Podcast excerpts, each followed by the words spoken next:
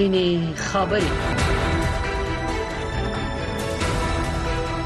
روکو راست.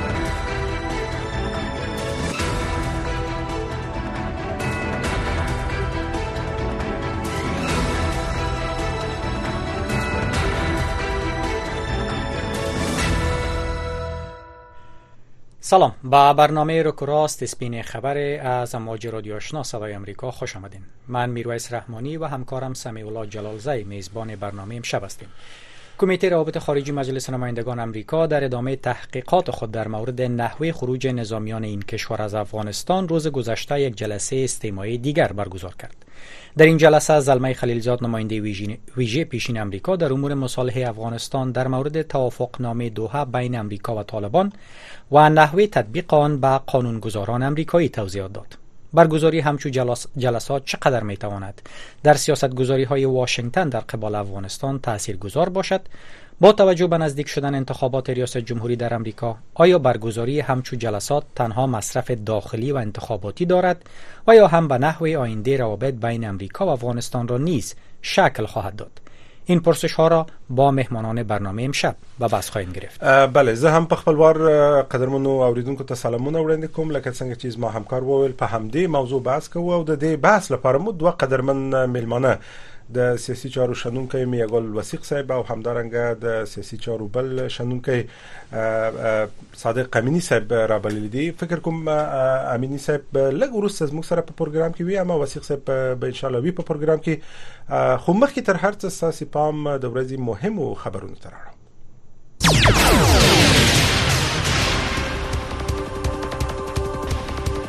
السلام علیکم درنو ریدونکو ستړي مشئ زه زیبا خادم یم دا د امریکا غږ آشنا رادیو خبرونه ده. د نړۍ د دې ساعت خبرونو ته ستاسو پام را اړوم. د ملګرو ملتونو د امنیت د شورا د مرستيال په شمول یو شمېر هیوادونو په افغانستان کې د داعش او نورو د شرګرو ډلو د فعالیت او سیمه او نړۍ ته د خطر په حق له خبرداري ورکړې ده د ملګرو ملتونو د امنیت د شورا مرستيال او د دهشتګرۍ سره د ملګرو ملتونو د مبارزې د برخې مشر ویلي دي په افغانستان کې د داعش د بیا راپورته کېدو خطر اوس هم شته دی. ولادیمیر ورانکوف د خبره د فبرवरी په 15مه نړیوال سولې او امنیت د دهشتګرۍ د ګواخ په نوم غونډه کې کړې ده. ولادیمیر ورانکوف د ملګرو ملتونو د سرمنشي د اتلسم راپور په حق له د معلوماتو ورکولو په لړ کې ویلي دي. راپورټونه ښیي سره د دې چې په افغانستان کې د داعش د ملګرو ډلو په ضد د اوسنیو واکمنانو هڅې اغیزناک دي خو دا ډله لا هم د افغانستان نه بهر د حملو نیت لري. د طالبانو حکومت را د امنیت د شورا د دې بحث په حق لسنې دی ویلي خو تر دې مخکې د طالبانو نطاق ذبیح الله مجاهد تل دا خبره کړې ده چې د داعش ډله د افغانستان لپاره خطر نه دی. خو د طالبانو د حکومت د ادعاو برعکس په دې غونډه کې د چین استازي جانګ جو ویل چې په افغانستان کې د داعش په ګډون د دهشتګرۍ ګواخ نه یوازې دا هیواد د خطر سره مخامخ کړي بلکې د سیمې امنیت او ثبات هم تهدیدوي. د ملګرو ملتونو د سرمنشي ویان سټیفن دوجاریک ویلي دی چې دا ډیره مهمه ده چې د دوه پر روانه غونډه کې د افغانو مرمنو غږ واوریدل شي.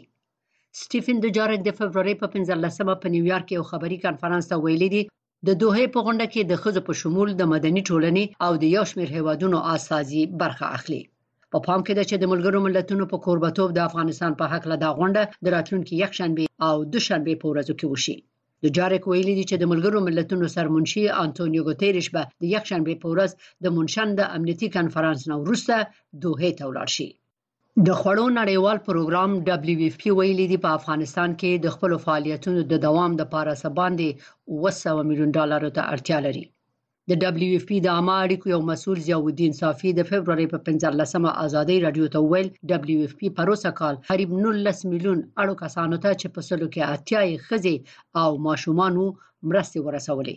هغه زیاته کړې ده چې په 2023م کال کې په راتلونکو شپږو میاشتو کې د خوړو نړیوال پروګرام د خپل ټولو پروګرامونو لپاره 280 میلیون ډالر ته اړتیا لري ځکه چې اوس قریب 80 میلیونه افغانان ډاډه نه دي چې سبب ډوډۍ لکه کوي د سیمې او نړۍ خبرونه د امریکا غږ د واشنگټن د استودیو نه نشریږي.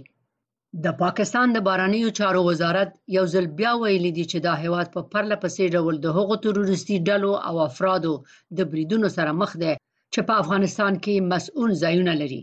د خبر تفصیل تاسو پام را اړوم د پاکستان د بهرنیو چارو د وزارت ویاندې ممتاز زهرا بلوچ د فبرورۍ په 15مه د القاعده د شبکې او د تحریک طالبان پاکستان TTP ترمنځ د همکاري په تړاو په اسلام آباد کې د یو خبريال د پوښتنې په جواب کې وویل د ملګرو ملتونو په راپورټ کې د دې تروریستي ډلو همکاري تایید شوې ده مېرمن بلوچ وویل موږ د طالبانو په چارواکو باندې ږغ کړی چې د دغو تروریستي ډلو او افرادو پر خلاف په عاجل او مؤثر ډول اقدامات وکړي چې د پاکستان امنیت خوندي سي. مېرمن بلوچ وویل د ملګرو ملتونو د امنیت شورا په راپورټ کې چې د 2023م کال د فبرورۍ په میاشت کې خبر شوی ویل سوي دي چې طالبانو له القاعده شبکې سره خپل اړیکې ساتلې یو شمېر لوړو چارواکي له هم په افغانستان کې دي. د روزنې اته مرکزونه لري او په پنجشیر کې د وسلو ډیپو هم لري. شافیا سردار امریکا ږغ واشنگټن. د طالبانو د حکومت سټانډرد ملي اداره وایي چې لسګونه ټانکره بې کیفیته تیل بیرته ایران ته مسترد کړي دي ملي ټلویزیون د فبرवरी په 15مه په ایکس پاڼه کې لیکلي دي چې په دې هفته کې د نیمروز له بندر دیش ټانکره بې کیفیته تیل بیرته ایران ته ولېګل شول. سټانډرډ ملي ادارې د سوداګرو غوښتي دي چې هیواد ته د بې کیفیته موادو د واردولو نه ډډه وکړي. خبرونه د امریکا غږ. آشنا راډیو نه اوري د نړیوال بانک اجرایوي بورډ د فبرवरी په 15مه د افغانانو سره د ملاتړ په حق له نوې کړنلار تصویب کړې ده. د دې کړنلارې لمخې خای افغانستان ته 300 میلیون ډالر نوې مرسته برابر کړې شي. د نړیوال بانک د اعلامیې لمخې د افغانستان سره د دې بانک په تعامل به د کاسا زر پروژه هم پیل شي. د 2021م کال د اگست په میاشت کې په افغانستان کې د طالبانو د بیا واکمنېدو وروسته په دې پروژې کار پنځ شوې ده د دې سیمایي پروژې په مرسته د تاجکستان او قرغیزستان برېښنا افغانستان او پاکستان ته انتقالېږي نړیوال بانک ویلي دی چې دا 300 میلیون ډالر به د طالبانو د موقتی ادارې د کنټرول نه د باندې د ملګرو ملتونو د سازمانونو او نورو نړیوالو ادارو لارې ولګول شي. د اسرایل پاوز د فبرवरी په 14مه ویل د غزې په جنوبي ښار خان یونس کې تر ټولو ستر روغتون ته د ننوتلو نه وروسته په دې روغتون کې شل کسان نیولې دي چې خای د اکتوبر په 9مه په اسرایل باندې مرګاني برید کې لاس درلودلې د اسرایل پاوز په خبرپاڼه کې ویلي دي عسکرو په دې روغتون کې وسلې موندلې او لسګونه کسانې د دهشتګرۍ په تور نیولې دي چې د شلو نه زیات هغه دهشتګرم پکې دي چې د اکتوبر په 9مه په قتل عام کې برخه اخیسته و د روسي مطبوعاتو راپورټ ورکړی دی چې د حکومت مخالف سیاستمدار الکس نوالني په زندان کې مړ شوی دی د یمالنو نانیټ په سیمه کې د تعزیري خدماتو د فدرالي ادارې څنګه په دې حق له د فبرवरी په 14مه په اعلامیه کې دا خبر ورکړی دی. کوم بلې مستقل منبع تر اوسه دا خبر نه دی تایید کړی. په اعلامیه کې راغلي دي چې نوالني د قدم وهلو نه وروسته سم د لاسه بیوخه شو. د اعلامیې لمخې د الکسي نوالني د بچکولو لپاره ټول ضروری اقدامات وشول مګر د امبولانس ډاکټرانو ویل چې هغه مړ شوی دی. د الکسي نوالني ډلې د هغه د مړینې خبر تر اوسه نه دی تایید کړی دولتي خبري اژانس د جمهور رئیس ولادیمیر پوتین د ویاند دمیتری پیسکوف په حواله راپورټ ورکړی دی چې جمهور رئیس د نوالني د مړینې په راپورټ خبر دی. خو د مړینې د علت په باب رسمي معلومات نه لري. او د اوکراین جمهور رئیس ولادیمیر زيلنسکي د فبرवरी په 14مه د جرمني د صدر اعظم اولاف شولز سره د خبرو لپاره برلین ته ورسېده زيلنسکي به وروسته د فرانسې د ملاتړ او د مرستو د جلبولو لپاره د جمهور رئیس امانوئل مکرون سره د غونډې لپاره فرانسې ته ولاړ شي. د اوکراین ګڼ شمېر قواوې د اوکراین په ختیځ ښار فیدیفکا کې د روسیې د شدیدو حملو سره په مقابله بوختي دي. زيلنسکي چې ټاکل شوی د سبا د میونشن په امنیتي کانفرنس کې وینا وکړي نن په خپل پاڼه کې لیکلي دي چې په جرمني او فرانسې کې د شریکانو سره ګوري نوې موافقه کوي او د میونشن په امنیتي کانفرنس کې ګډون کوي زیبا خادم امریکا غږ واشنگتن. متضاد اړخونه بیلابیل دریزونه د سپیناوي تود مخامخ بحث او په اخر کې قضاوت ستاسو. پر مهمو سیاسي امنيتي اقتصادي او ټولنيزو مسايلو د افغانستان سیمه او نړۍ باندې د جوړ چیرنیز بحث مهمه ونیزه خبرونه هایل د هرې جمعې په ورځ د افغانستان په وخت د ماخام ونیمونه تر اته بجو پورې. د امریکا غږ د سټلایټ للارې په ژوندۍ بانه هایل د امریکا غږ د روانو چارو نوي ټلویزیونی خبرونه د سپینې خبري یا روکو راست د پروګرام قدرمن اوریدونکو تاسو د ورځې مهم خبرونه واوریدل لکه څنګه چې په فایل کې زما ګران همکار وویل نن د نن په دې پروګرام کې په دې بحث کوو چې آیا د دوه تړون په سمه توګه عملي شوی کنه د هغه پښتنه د چې د امریکا د کانګرس د اساسو مجلس لري او دوی په دې اړه د تیر یو کال راهیسي استماعي غونډې کوي او بیل بیل چارواکي د غونډو ته وربولي. د همدې سلسله په دوام پرون د پنځشنبه په ورځ د افغانستان لپاره د امریکا په خانه ځنګړی استاد زلمی خلیزات هم غوښتل شوی وو او لده سره لده څخه بیل بیل پښتني وشوي خو مخکې لدی چې په دې ټولو پښتنو ولر شو زموږ قدرمن میلمه د سیاسي چارو شنونکو وسیق صاحب فکر کوم را سره پروګرام کې دی وسیق صاحب سلامونه. زموږ غږ تاسو ته راځي؟ بله بله سلام علیکم. تاسو ته تاسو ته تلویزیون درنو تشکر وسیق صاحب کور ودان وسیق صاحب مخکې لدی چې نور پښتنو ته ولر شو اول به د سیده یو عمومي پښتنه وکم هغه د چې تاسو په جریان کې چې دغه استماعي غونډه خو د تیر شاوخوا یو کال رئیس د جنوري د تیر کال د جنوري د پای را شروع دي او چارواکي را غوښتل شوی دي فکر کوي چې دغه استماعي غونډه واقعا د کانګرس د اساسو مجلس چې اوس اکثریت پکې جمهوریت غوښتونکي دي دوی غواړي چې د افغانستان څخه د وټلو د ټولي پروسې چې دوی ګډوډه بولی به نظمه بولی غواړي د مشکلاتو په عمق ځان پوکي یا د چې په امریکا کې انتخابات هم په نومبر کې کیږي دغه استماعي غونډې تر ډیره انتخاباتي رنګ یا بوی لري. په خارجي سیاست به څه تاثیر وکړي ساس په نظر؟ مننه د لوی په نامه. زه فکر کوم چې د موضوع په عمق دوی پیږي یعنی دا چې نه چې دوی به خبره زیاتره زه فکر کوم چې د وی خونه هغه اوارز چې په اصطلاح د امریکا د قوتونو د وټلو سره سم را مې سره غلای یا اورید ایجاد شوی دوی نارمه کړی دوی خامخا یو څه په دې ثبات خپل نارمي هم کوي او ګویا د چې دوی د دې وضعیت نه ډیر راضي نه دي. څنګه چې د جمهوریت غوښتنو په غوښتنو وخت کې چې ترامپ هغه وخت په قدرت کې وو د دوه مذاکرات پیل شو او د قوتونو وتل هلته مطرح شو چې په وروسته د بایدن په وخت کې نه دا عملی شو یعنی منظور په دې کې دی چې دواړه د خروج په ارتباط یعنی تصمیم لرلو چې دوی باید ووځي. په هغه وخت موږ اکثرا ناري وغلې چې گویا دغه خروج باید غیر مسئولانه وده وسی یعنی مسئولانه باید وسی چې دغه ارزښتونه چې ایجاد شوی دغه یو څه دولتي ساختار رامنځته شوی تعلیم او تحصیل او صحت مختلف بشري حقوقو مسایل د خزو مسایل دغه څه چې رامنځته شوی دغه د منځ ولر نشي متاسفانه چې نه یوازې د منځ ولر بلکې یو څه مونږ شاته هم لرو چې اوس دوی هم کداغه په اصطلاح خپل نگرانی دوی ابراز نکي څه باید وایي خپل خلکو ته د چې د بایدن په وخت کې یعنی د دیموکراتانو په وخت کې دا کار شوی اما شروع په هغه وخت کې شوی. منظور مې د دې خبره ده چې په مجموع کې د متحده ایالاتو په اصطلاح ګټه ملي ګټه دوړو ته ارزښت لري. دوی خپل ګټې لري. بیا په افغانستان کې یعنی د دوی برخورد یا دغه وتل د دوی هم پایستی لحاظ او د دوی په پرستیج په جهاني سطح یو څه یعنی واقعا صدمه ورته نو اوس دوی دغه مسایل دغه ناکامۍ چې راځي کیږي دوی یو د بل په مقابل کې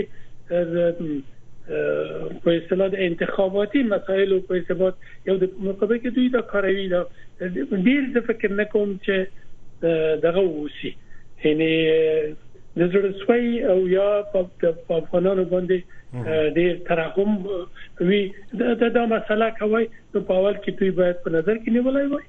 او دا اجازه خپل نه وای ورکړي واسیق صاحب زبخنه غواړم مخکې دې چې ما هم کار پوښتنه وکي یو یو یو سوال ما ساس په خبرو کې پیدا سو. تاسو د عوارض یادونه وکړه. کوم عوارض چې د امریکایي عسکرو تر وټلو ورسته رامسته شوی یو خو هغه ارزښتونه چې د دوی په حضور کې د میلیارډونو ډالرو په مصرف یو څه ایجاد شوی هغه ټول په بوله په جهاني سطح د امریکای په اعتبار باندې یعنی منفي اغیزه وکړي. منفي اغیزه په دې مفهوم چې ګویا دوی وغوښتي چې هغه نظام حمایت کړي. د دې په ځای چې هغه نظام کې کنيمګرتیاوي مشکلات موجود وو دوی کولای شوی چې اصلاحات پکې راوړي برعکس دوی داسې وډاله چې تر هغه لحظه پورې هغه د انتحار او انفجار د لارې نه وختي چې قدرت ورسیږي. نو هغه سره دغه مذاکرات وکړي. پرته نه چې د افغانستان دولت عین پکې داخل وسینت نه و د دولت اته خلک هم ډیر پکې داخل نو فقط طالبانو سره دا کار کوي بل په زمن کې هغه اورز چې ایجاد شوی یو خو د دوی اعتبار صدمه لیدلې بل دا چې دوی ځای خالی کوي نورو منطقوي قوتونو ته.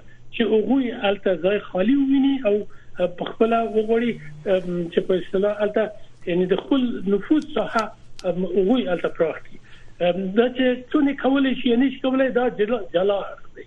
اما په عملی لحاظ ظاهرا چې وینو یعنی الته دا مشکلات شته. او ورځ دغه طالبان هم د منطقي هوادونو سره خپل دغه لري. یعنی راشدار شاو سفیر منلو د بازنور مسائل یعنی په شکل تعامل قوی موجود دی تشکر آقای میا گل وسیق. ما هم به نوبه خاطر عرض سلام دارم و شما را خوش آمدید می‌گویم به برنامه. در جلسه روز گذشته مایکل مکال رئیس کمیته روابط خارجی مجلس نمایندگان امریکا بارها جو بایدن رئیس جمهور امریکا را مسئول وضعیت پیش آمده در افغانستان خواند. اما زلمه خلیلزاد در توضیحاتش بارها باری ملامتی را به دوش رهبری نظام جمهوریت به ویژه محمد اشرف غنی انداخت. اگر از دید افغانستان یا زاویه افغانستان یا باعث کارشناس افغان به این موضوع دیده شود به نظر شما مسئول وضعیت پیش آمده کیست؟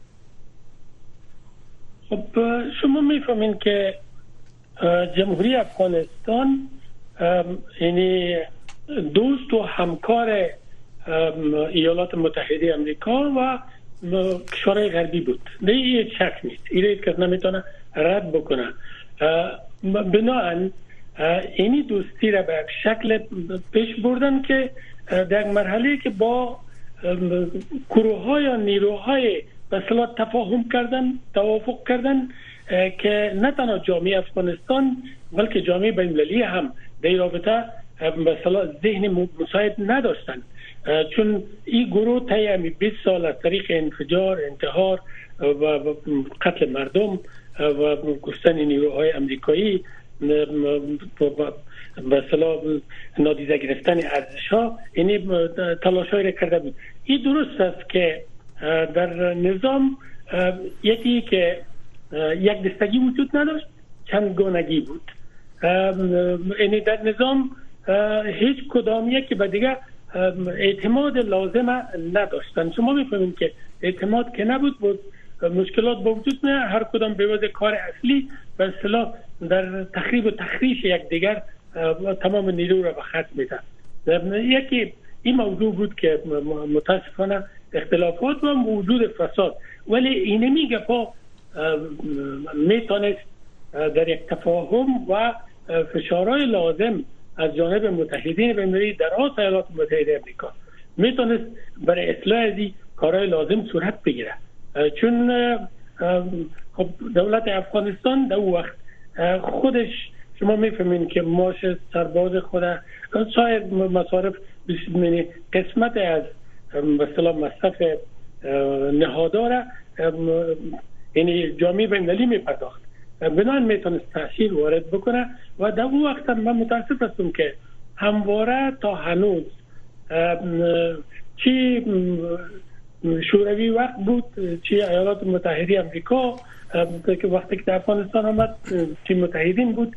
یعنی اکثرا زیادتر اعتماد به کسی کردن که فقط تانستن به شکل خود به چیز نزدیک بکنه به صلاح حلقات مسئول. در ایالات متحده در اروپا و وقتی که مسکو بود و یا را به سرنوشت مردم حاکم کرده. مردم افغانستان به اصطلاح زیاد برش توجه نشد و نیروهای سالمندش نیروهایی که می‌تونست هم متحد و یک دوست خوب باشه برای دنیا و در یک روند دموکراتیزه سازی بتونه خوب همکاری بکنه. بالای اینطور مردم زیاد اتکا نشد. و نه تنها نشد حتی اکثرا دمو نظام هم همینطور نیروهایی که اگر سالم میاندیشید بر سلامت نظام بر سلامت آینده افغانستان و برای تداوم یک دوستی منطقی مشروع با دنیا میاندیشید زیادتر و با حاشیه یا می‌رفت یا طفل محدود می‌شد که هیچ کار نکنن بنابراین اون نظام هم یعنی او کارایی لازمه که باید میداشت متاسفانه نداشت و ما اکثرا کسایی که یا بازم به همین تاکید می‌کنم که فقط نزدیک بود و سرش اعتماد می‌شد و در اون وقت کسی خوب روسی می‌گفت و در این وقت کسی خوب انگلیسی می‌گفت. یعنی من میگم این به این مفهوم نیست. انگلیسی هم یک زبان است روسی هم یک زبان است. فهمیدنش گپ خوب است ولی زیادتر اعتماد همه شد. این اتکا و نیروهایی که پایگاه و جایگاهی در بین مردم داشت و او نشد. و یا است که فقط کسی که تفنگ داشت با زور تفنگ فقط کوشش می‌کرد در حاکمیت حضور داشته باشد متاسفانه که باعث باید شد که امروز بینی سرنوشت دچار شیم آقای... یعنی دو بودم اینی مشکلات بود و دهی بودم این مشکلات. آقای وسیق شما به حفظ ارزش ها اشاره کردین. در جلسه استماعی دیروز روی حفظ ارزش ها نیز اشاره شد و آقای خلیلزاد گفت که حفظ ارزش هایی که در طول 20 سال افغان ها و امریکایی ها روی از او کار کرده بودند قرار بود در مذاکرات بین الافغانی یا مذاکرات بین نظام جمهوریت و گروه طالبان روی از او بحث شود. و گفته شد که توافقنامه دوها به شکل مکملش تطبیق نشد. به نظر شما آیا امید و شانس به خاطر آغاز مذاکرات بین الافغانی و بحث روی ای ارزش ها هنوز هم وجود داره؟ من فکر می‌کنم بدون مذاکرات بین الافغانی دیگر رای منطقی وجود نداره. اگر باز داخل جنگ میشین دنیا هم علاقمند نیست. که یک بار حضور نظامی در وجود داشته باشه. و در کنار ازی باز هم حاضر شاید نباشه که با او پیمانه به سلام مصارف متقبل شود. من فکر می‌کنم دنیا باید ای تلاش بکنه که واقعا مذاکرات بین الافغانی آغاز شود و فشار وارد بکنن برای حاکمیت موجود. تا ای تن به تن به مذاکرات بین الافغانی و بالاخره ما را ببره به طرفی که ما یک حکومت برآمده از آرای مردم داشته باشیم. که او اعتبار مردمی داشته باشه حمایت مردمی داشته باشه و هم دنیا به او اعتماد کرده بتونه هم مردم کرده بتونه و او هم او توانایی و ظرفیت به اصطلاح یک حکومت داری خوب داشته باشه. غیر از این متاسفانه که چنین که ممکن نخواد بود. در گذشته ها مذاکرات بین الافغانی ما اشاره می‌خوایم بکنم چرا نتایج مطلوب نداشت؟ چون در پشت این مذاکرات بین الافغانی در پشت کتگوریا یک کس دیگه حتما می بود و این کسا کوشش می‌کرد که فقط سر منافع خود ترکیز بکنه. به اون خاطر هرگاه منافعش متضرر می‌شد. و به اصطلاح تضاد منافع وجود میمد بازی نتیجه نمی‌داد.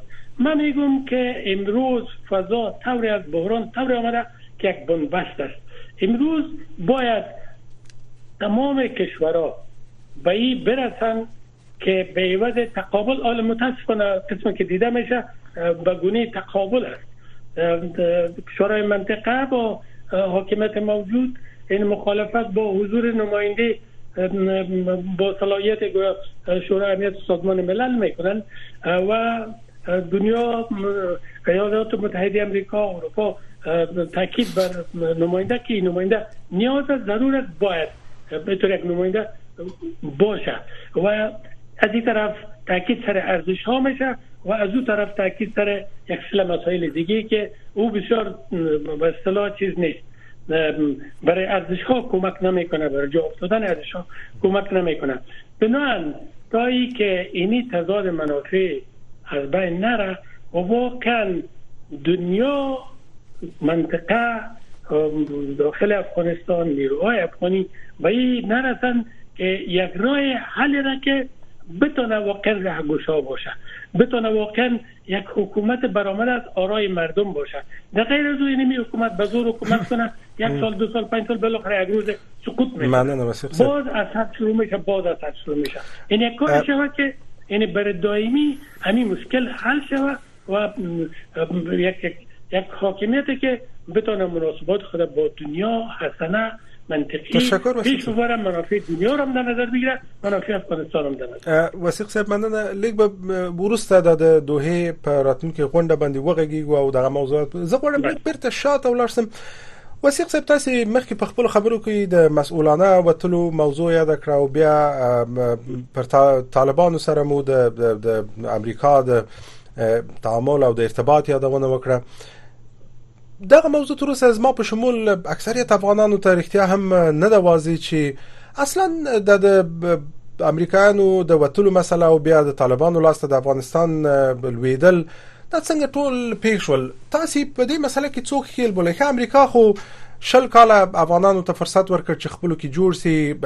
توافق وکړي. اما دایم به شکایت دا و چې په افغانستان کې خپل افغانان نه جوړيږي د فساد مسله او تر رسیدلې و مخالفتونه موجود وو ادارات لکه څنګه چې باید صادقانه کار کړی وای نو فساد ډیر زیات وو. او امریکا دغه مسایلو ته هم اشاره کوي چې افغانان خپل کې سره نه جوړېدل ستاسو په نظر اصل مشکل چیرې وو؟ ولی داسې پیښ ول ولی په طالبانو طالبانو سره بل اخر خبري وشوي چې وغوي وخت په شکل ورسیږي؟ دلیل څه و اصلا؟ زه فکر کوم چې شاید متحده ایالات یا غربي نړۍ چې د افغانستان دولت سره همکاري درلودي دوی به وایي چې حکومت دولت فاسد و د دوی په منځ کې همغږي نو موجود چې دا دقیق دی. د دې نه څوک سترګې نشي پټولای. د په خپل عمل موضوع درلودي مالي دی چې څه تیریږي. اما دا په دې مفهوم نه دی چې د افغانستان د خلکو سرنوشت دغه یو ډول ته وسپارل شي چې نن هغه د خلکو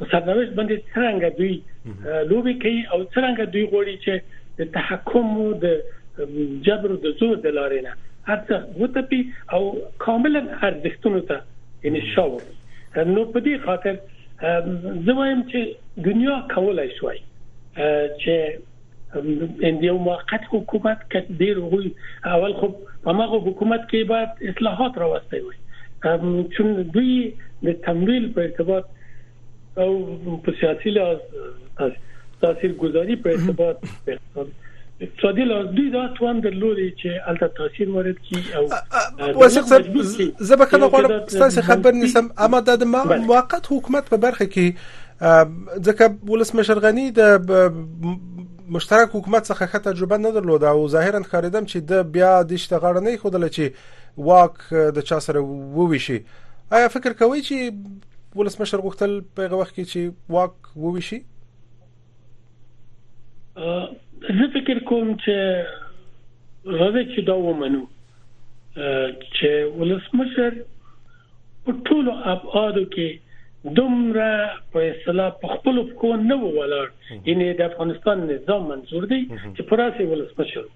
چې دوی کولای شوي وشوي کولای شي یعنی دوی خپل فیصله وکي یا په خپل موضوع خپل موضوع باندې څنګه چې دوی غوړي یعنی په فشاري وکي دوی دغه دغه توان نه درلودي د دې نه څوک سترګې نشي پټولای.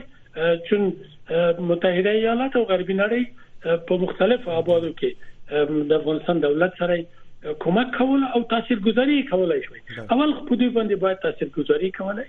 او دوی مجبور کړي و چې دولت کې لازم اصلاحات راولي متاسفانه چې اکثرا اکثرا مهري یا کټګوري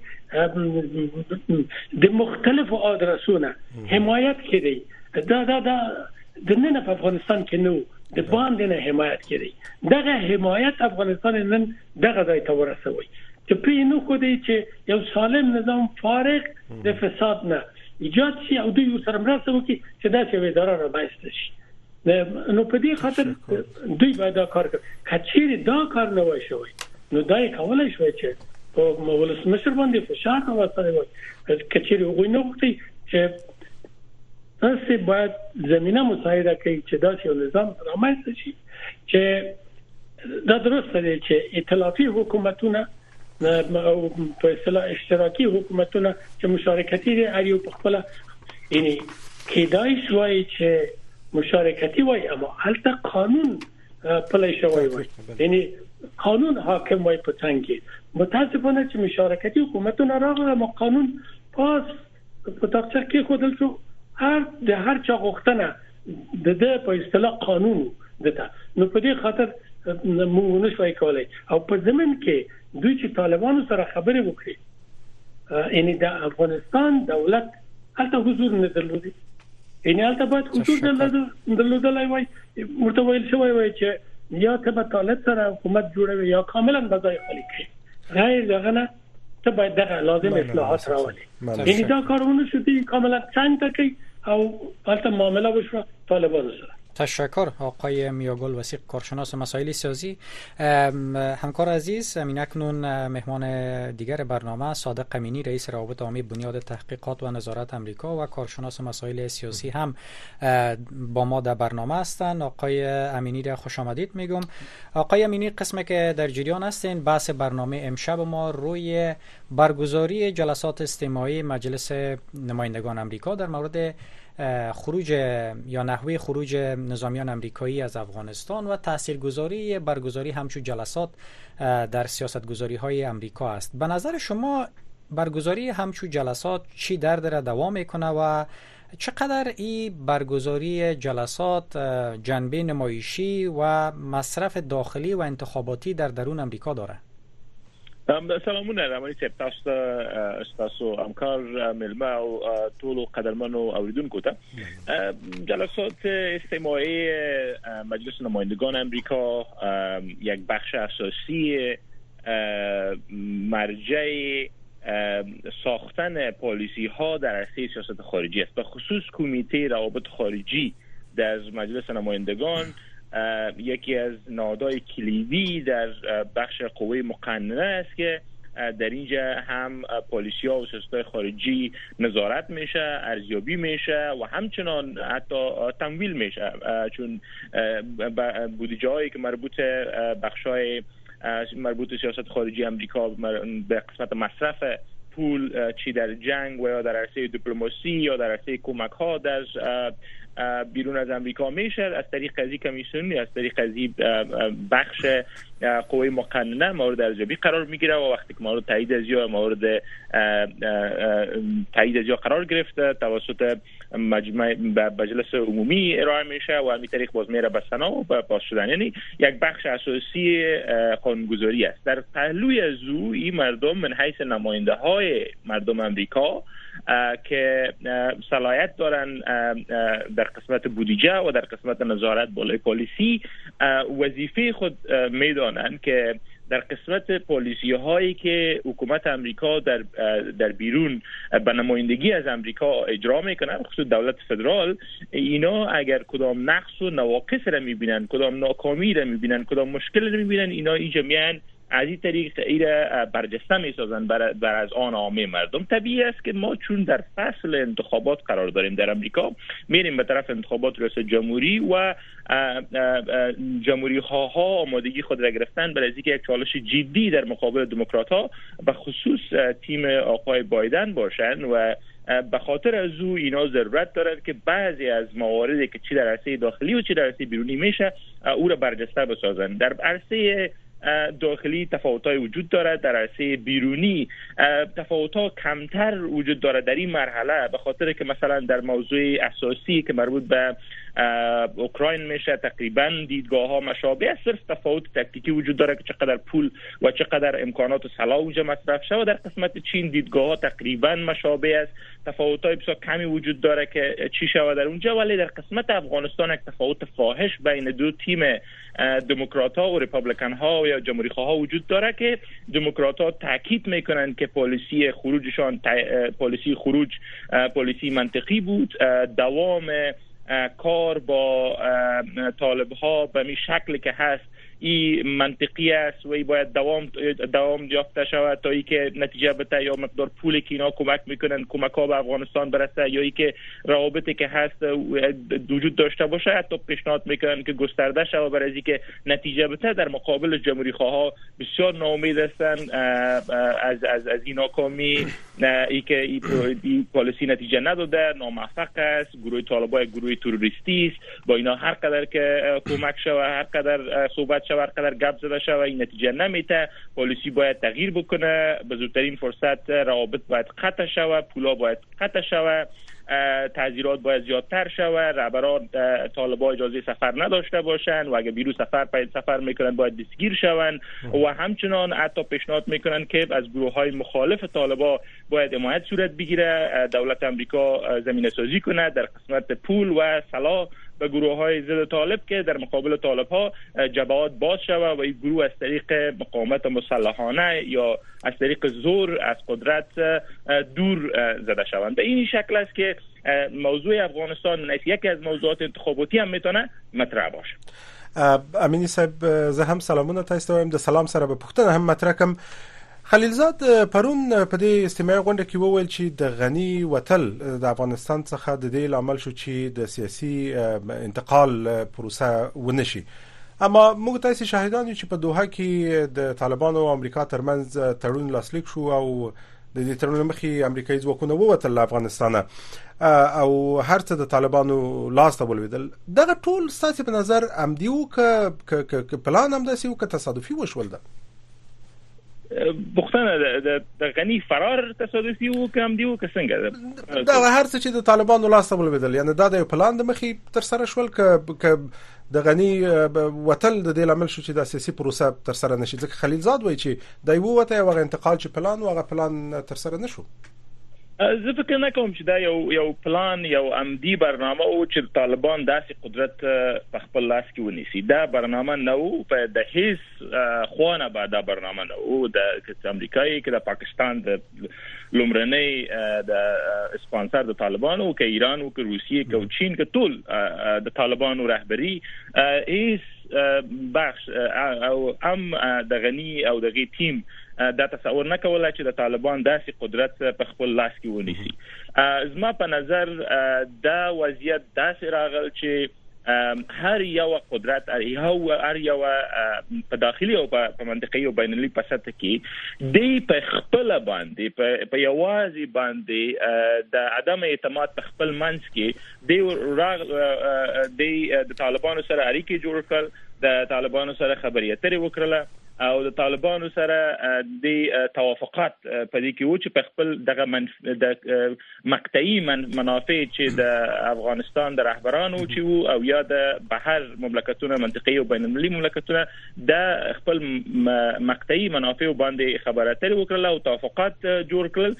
خود دغه ترمنځ یو یو امانګي نو دغه منافع او دغه خبرو اترو د ټول په خپل یوازنی باندې مختلار شو او د نتیجې ته ورل چې یو بیتمادي یو جمعي بیتمادي رامنځته شو چې ټول مملکت او ټول منطقوي او بین المللي هوادونه اعتماد نه درلود چې څنګه کیږي سبب څنګه کیږي یو هفته به څنګه کیږي یو میاشت به څنګه او ار یو په خپل برنامه درلود چې څنګه خپل منافع تامین وکړي. هم دغه وشو چې رئیس جمهور غنی متاسفانه د یو د بیغیرتی چې ورته وایو د یو افغان په توګه یو بی غیرت افغان چې د وتختل د افغانستان د اوس ټول ملامتي په دې کې اچوي چې خلک وایي چې دا دلیل ونه وو مونږ هغه وخت ویل چې دغه دغه طالبان ټول قدرت په خپل لاس کې ونه چې غني وتختدل کنه وتختدل چې غني په کابل کې پاتې وسیدل متاسفانه دی وتختدل او اوس دا دلیل څوک هر هر خلک کولای شي چې دا دلیل وایي چې د لومړنۍ دلیل چې د سقوط وشو دغه دغه فرار وو متاسفانه دا یو تاریخي بانه دغه یو یو بیزتی دغه رامنځته کړل ټول مملکت نه. متاسفانه دلیل شاید د اصلي دلیل دا بنوي تشکر آقای امینی. آقای وسیق اکنون ما در آستانه نشست دوها به میزبانی منشمومی ملل متحد قرار داریم. قرار است نشست تا دو روز دیگر در دوها آغاز شود. با توجه به آنچه گذشت چقدر شانس از این وجود داره که روی مواد یا تطبیق مواد توافقنامه دوها در این نشست بحث شود و به نظرتان این نشست پیشرو چقدر می‌تونه در تغییر وضعیت در افغانستان کمک کنه؟ با تشکر. من فکر می‌کنم قسمی که از رسانه ها مورد می‌بینم نشنو زیادتر فعلا فضا قسم از همین نشست کابل چند روز پیش نشان داد که کشورهای منطقه تلاش می‌کنند که نشان بتن که موضوع افغانستان در منطقه می‌تونه حل شود. و دنیا میگه که نه. و در منطقه میشه حل شود و در کنار از به صلاح توضیح همین نماینده که خاص که تعیین میشه بر ارتباط حل مشکل افغانستان که باید کار بکنه. گوی او را غیر ضروری میدانه این منظور ای است که کوشش می‌کنن که دست دنیا در ایده گویا کوتاه باشه و یا حضور داشته باشه. مطابق من باید حل شود. ولی چیزی که اساسی است این است که خب از طرف دیگه جامعه جهانی در ایالات متحده امریکا اروپا یا میگن که نه مشکل افغانستان مشکل جهانی است. نه ابعاد درست است منطقوی داره ولی جهانی هم داره. و دیگه ای که شما توان به اصطلاح حل این مشکل ندارین بنان این مشکل در سطح کلان باید حل شود. که این منطقی است و در, در این رابطه باید نماینده تعیین شود تا که هم یک هماهنگی را بین کشورها به وجود بیاره و هم بین افغان طرفدار با هم بتونه نزدیک کنه. بسیار افا می خواهیم صحبت تان قطع می کنم بسیار افا می خواهیم شما روی اشتراک افغان ها و مذاکرات بین الافغانی زیاد تاکید کردین. اما ظاهرا معلوم میشه در این نشست طالبا هم به خاطر اشتراکشان شرط گذاشتن. مخالفان طالبا هم دیروز با نشر یک اعلامیه به نحوی گفتند که در غیاب مردم افغانستان یا در غیاب مردم نمایندگان از این گروه ها نباید تصمیم گرفته شود. همچنان زنان معترض هم به نحو شکایت کردند که از اونها دعوت نشده. به نحو معلوم میشه که طرف های اصل قضیه در این نشست دعوت نشده حداقل تا همین لحظه که ما و شما صحبت می‌کنیم. پس در عدم موجودیت اونا دوباره ما شاید از این نمی باشیم که کشورهای خارجی یا طرفهای زیدخل در عدم موجودیت اونا تصمیم می‌گیرند که ممکن قابل قبول نباشه؟ متاسفانه باید بگوییم که یکی که افغان خوب در سطح دنیا در هر کجای مهاجر هستن و تا دو, دو نیم سالم تعداد زیاد دیگه مهاجر شدن یک انسجام بینشون وجود نداره. و دو طرفه که فعلا شما سرش چیز دارین. با که حس است که زیاد این طرف ها مهم نیست. در قدم نخست اینی یک آغاز است. تا که چطور بتونه کشورها با هم به یک اتحاد نظر برسن که چی باید بکنن یک نقشه را, باید تصویر بکنن. و این دو, دو طرفه که حال یک طرف بازم سر با جنگ به اصطلاح تاکید داره و یک طرف خود طالب است. متاسفانه که این حقیقت تلخ جامعه افغانستان است که نمی‌تونیم نادیده هم بگیریم. اما یک چیز که می‌گفتن بیتون نتوان بود با تو نتوان بود. حالا حالا همونطور یک حالت آمده.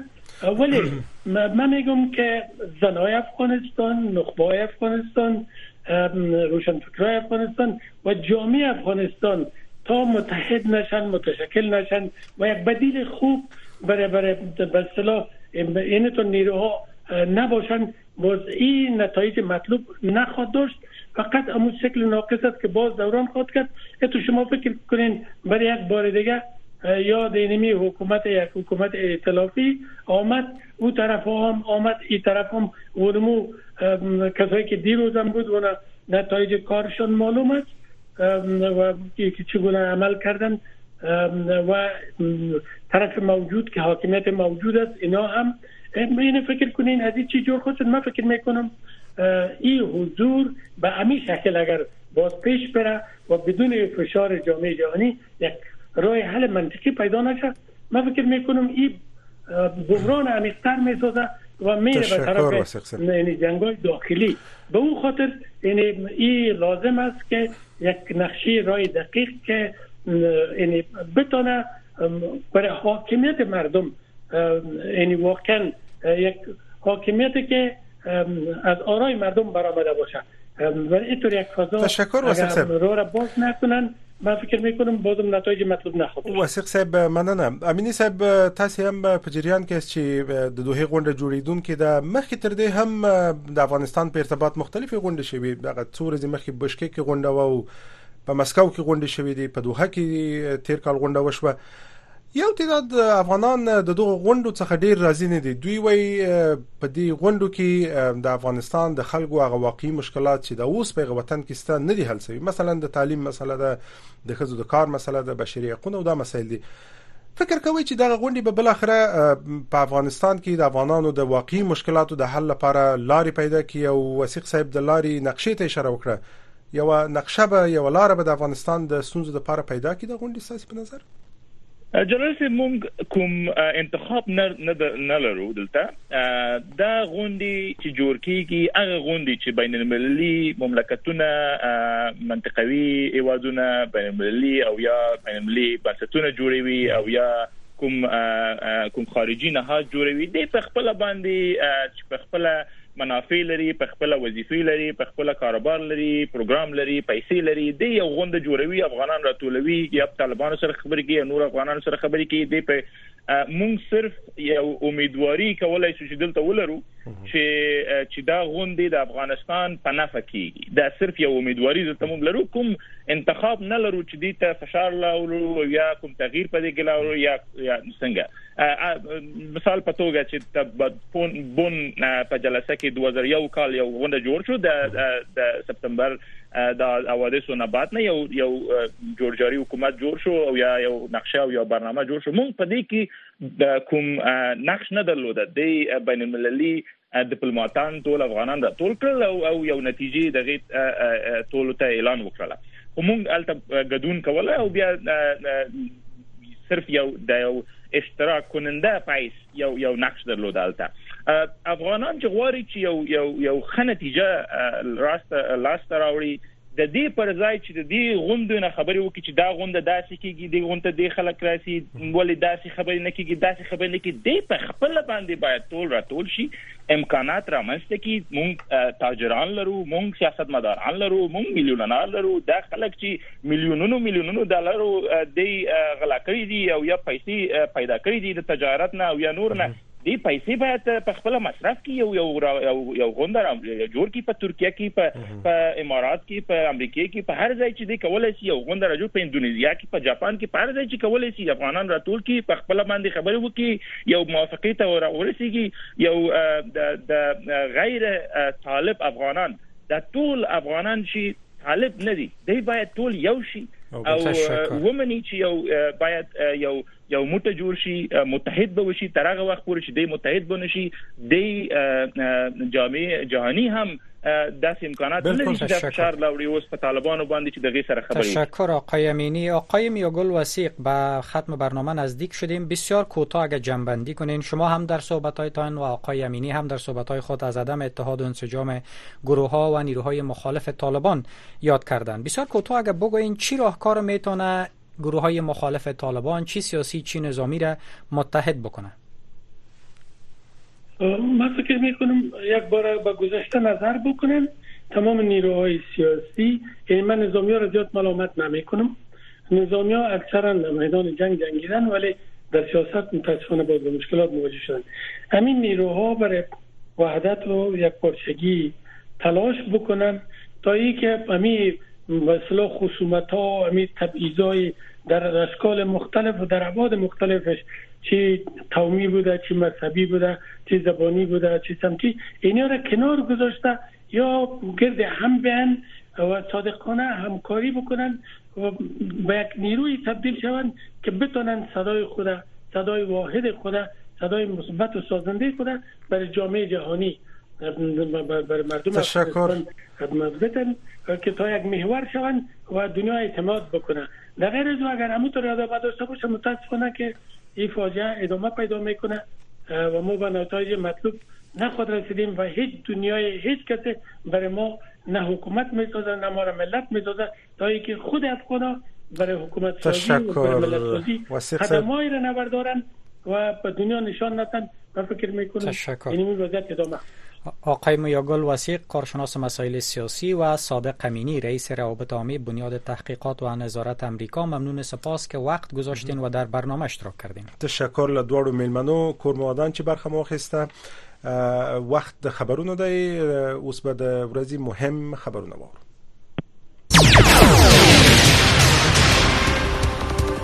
سلام وقت شما بخیر. روی زمانی هستم. با تقدیم مشروع خبرهای این ساعت. کمیته روابط خارجی مجلس نمایندگان کنگره ایالات متحده روز گذشته 15 فبروری جلسه استماعی را زیر نام پشت صحنه چگونه اداره بایدن در تطبیق توافقنامه دوها ناکام شد با حضور زلمه خلیلزاد نماینده پیشین ایالات متحده در امور مصالحه افغانستان برگزار کرد. شر بیشترین خبر را سهر عظیمی مشنوید خلیلزاد در این جلسه گفت که جو بایدن رئیس جمهور ایالات متحده حراس داشت که پا پس کشیدن از توافقنامه دوها سبب طولانی شدن جنگ می شود. او همچنین گفت که فرار ناگهانی محمد اشرفانی رئیس جمهور پیشین افغانستان از کشورش منجر به ایجاد صدی برای گذار و توافق سیاسی در افغانستان شد. مایکل مکور رئیس این کمیته در سخنرانی افتتاحیه این استماعیه که شماری از بستگان 13 سرباز کشته شده امریکایی در جریان عملیات تخلیه نظامی از افغانستان حضور داشتند طالبان را تروریست و ناقص توافقنامه دوحه خواند. مکال گفت که حتی خلیلزاد هم تایید کرده است که مشکل در توافقنامه دوحه وجود ندارد بلکه به گفته او مشکل در تطبیق این توافق است. این قانونگذار امریکایی بایدن را به ناکامی در تطبیق کامل توافقنامه دوحه متهم کرد او گفت که بایدن هشدارها را در خصوص خروج قوای امریکایی از افغانستان نادیده گرفت اما جو بایدن همواره گفته است که تصمیم خروج نظامیان امریکایی را از افغانستان بر اساس مشورت با مقامهای دیپلماتیک و نظامی امریکایی و با در نظر داشت منافع ملی امریکا اتخاذ کرده است. بورد اجرایی بانک جهانی روز پنجشنبه روی کرد را در مورد حمایت از مردم افغانستان تصویب کرد. در چارچوب این برنامه 300 میلیون دلار کمک مالی فراهم خواهد شد اما این مبلغ را نخست باید بورد اجرایی بانک منظور کند. بانک جهانی در بیانیه گفته است که طالبان بر این کمک مالی کنترل نخواهد داشت. تعامل جدید بانک جهانی با افغانستان روی کرد سی نامیده می شود. در بیانیه آمده است که کمک مالی از صندوق انجمن توسعه بین المللی این بانک از طریق نهادهای ملل متحد و دیگر سازمان های بین المللی فراهم می شود.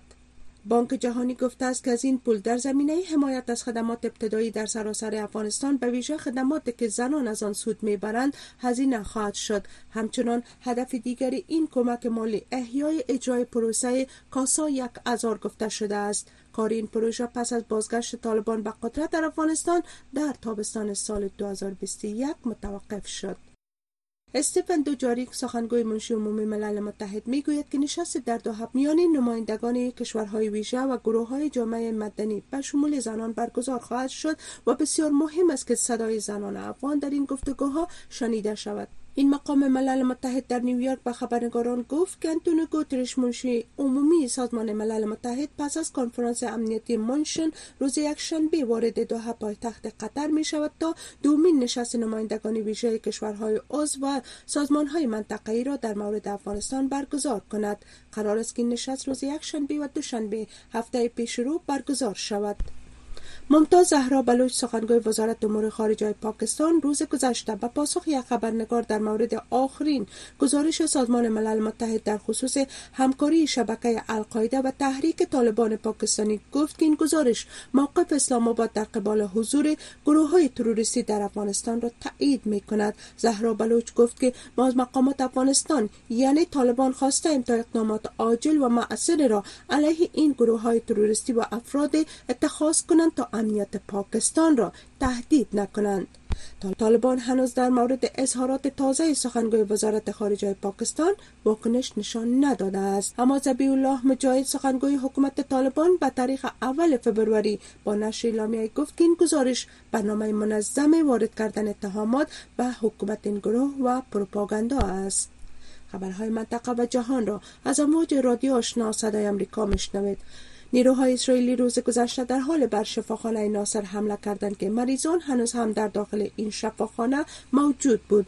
بر اساس گزارش های نیروهای اسرائیلی هدف این حمله محدود که منجر به کشته شدن یک مریض و زخمی شدن شش تن دیگر شد جستجو برای دریافت گروگان های باقی مانده نزد حماس گفته شده است. این حمله یک روز پس از آن صورت گرفت که اردوی اسرائیل به دنبال تخلیه این شفاخانه که در آن هزاران فلسطینی پناه برده بودند بیان داشته است که بر اساس اطلاعات معسق آنان حماس گروگان ها را در آنجا نگهداری می کنند در یک خبر دیگر اردو اسرائیل امروز جمعه ویدیوی از آنچه که ادعا می کند که حملات به مراکز فرماندهی عملیاتی حماس در نوار غزه است منتشر کرد. این ویدیو در حال نشر شده است که به نظر می رسد مذاکرات پیرامون آتش بس در غزه متوقف شده است. الکس نوالنی منتقد سرسخت سیاسی ولادیمیر پوتین رئیس جمهور روسیه امروز جمعه 16 فوریه در یک از زندانهای قطب شمال درگذشت نوالنی 47 ساله که برای سالها سرسختترین منتقد سیاسی ولادیمیر پوتین رئیس جمهور روسیه بود پس از ورود به مسکو به تاریخ 17 جنوری سال 2021 دستگیر شد و پس از مسمومیت جهت تداوی به آلمان انتقال داده شده بود. نولنی و حامیانش کرملین را مسئول مسمومیت او قلمداد کردند و ولادیمیر پوتین رئیس جمهور روسیه را متهم کرد که دستور قتل او را داده است. اتهامی که کرملین آن را رد می کند به گفته مسئولین زندان نوالنی هین پیاده روی از هوش رفت و دکتران نتوانستند زندگی وی را نجات دهند. یک سال پس از کشته شدن دیونچی یک فرمانده نیروهای اوکراینی در نبرد با نیروهای روسی دوستان او یک دفتر استخدام جدید در کیف را ایجاد می کند که از اعضای این گروه در آینده مراقبت کند. اوکراین در حال تلاش برای بسیج و استخدام نیرو را افزایش داده است. که این کشور با کمبود نیرو مواجه شده و همچنان دومین سالگرد تهاجم کامل روسیه بر این کشور نزدیک است.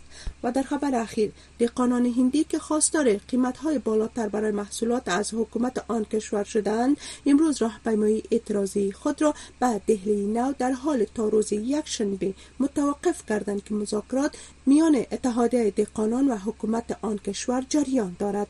این بود مشروع خبرها تا این لحظه. از امواج رادیو آشنا صدای امریکا که تقدیم شما شد. قدرمن اوریدونکو تاسو د ورځې مهم خبرونه اوریدل او له همدې خبرونو سره زموږ د نن ورځې خبرونه هم پای ته رسیدي له تاسو ټول مننه کوم چې په دې پروګرام کې لموږ سره واست. بل خبرونه نن وضعیت زموږ همکار احمد الله شوال به په څو شبو کې استودیو ته راشي. تر بیا مو په لوی او بخون کې خدای سپارم. ممنون سپاس. شنوندای عزیز که تا اکنون همراه ما بودید